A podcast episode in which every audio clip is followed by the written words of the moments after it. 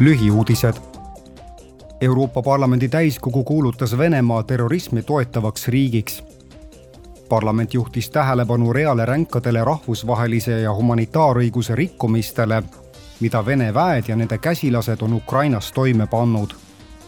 Need jõhkred ja sihilikud rünnakud Ukraina tsiviilelanike ja tsiviiltaristu vastu kujutavad endast terroriakte ja sõjakuritegusid parlamendiliikmed kutsusid Euroopa Komisjoni ja liikmesriike üles Venemaad rahvusvaheliselt veelgi enam isoleerima ja kokku leppima üheksandas Moskva vastases sanktsioonipaketis. täiskogu võttis Strasbourgis vastu kahe tuhande kahekümne kolmanda aasta eelarve summas sada kaheksakümmend kuus koma kuus miljardit eurot. eelarve kiitis oma allkirjaga heaks parlamendi president Roberta Metsola Euroopa Liidu riikidega saavutatud kokkuleppe tulemusel lisas parlament komisjoni esialgsele ettepanekule rohkem kui miljard eurot oma prioriteetide rahastamiseks.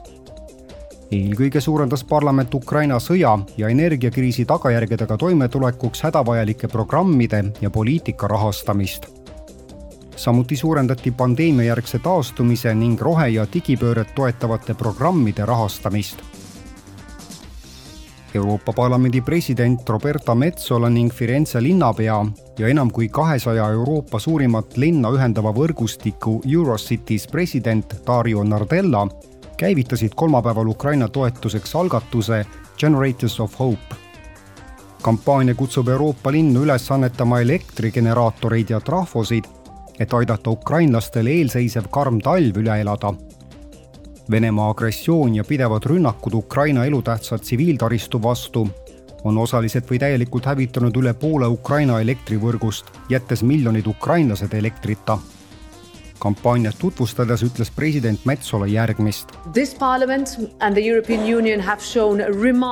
Euroopa Parlament ja Euroopa Liit on näidanud märkimisväärset solidaarsust Ukrainaga nii humanitaar, sõjalises kui ka finantsvallas nüüd vajab Ukraina talve üleelamiseks praktilist tuge. me leiame vahendid, et oma plaanid teoks teha. Uh, kampaania tutvustusel viibinud Ukraina presidendi kantselei juhataja Andriy Jermak kiitis algatust ning tänas selles osalejaid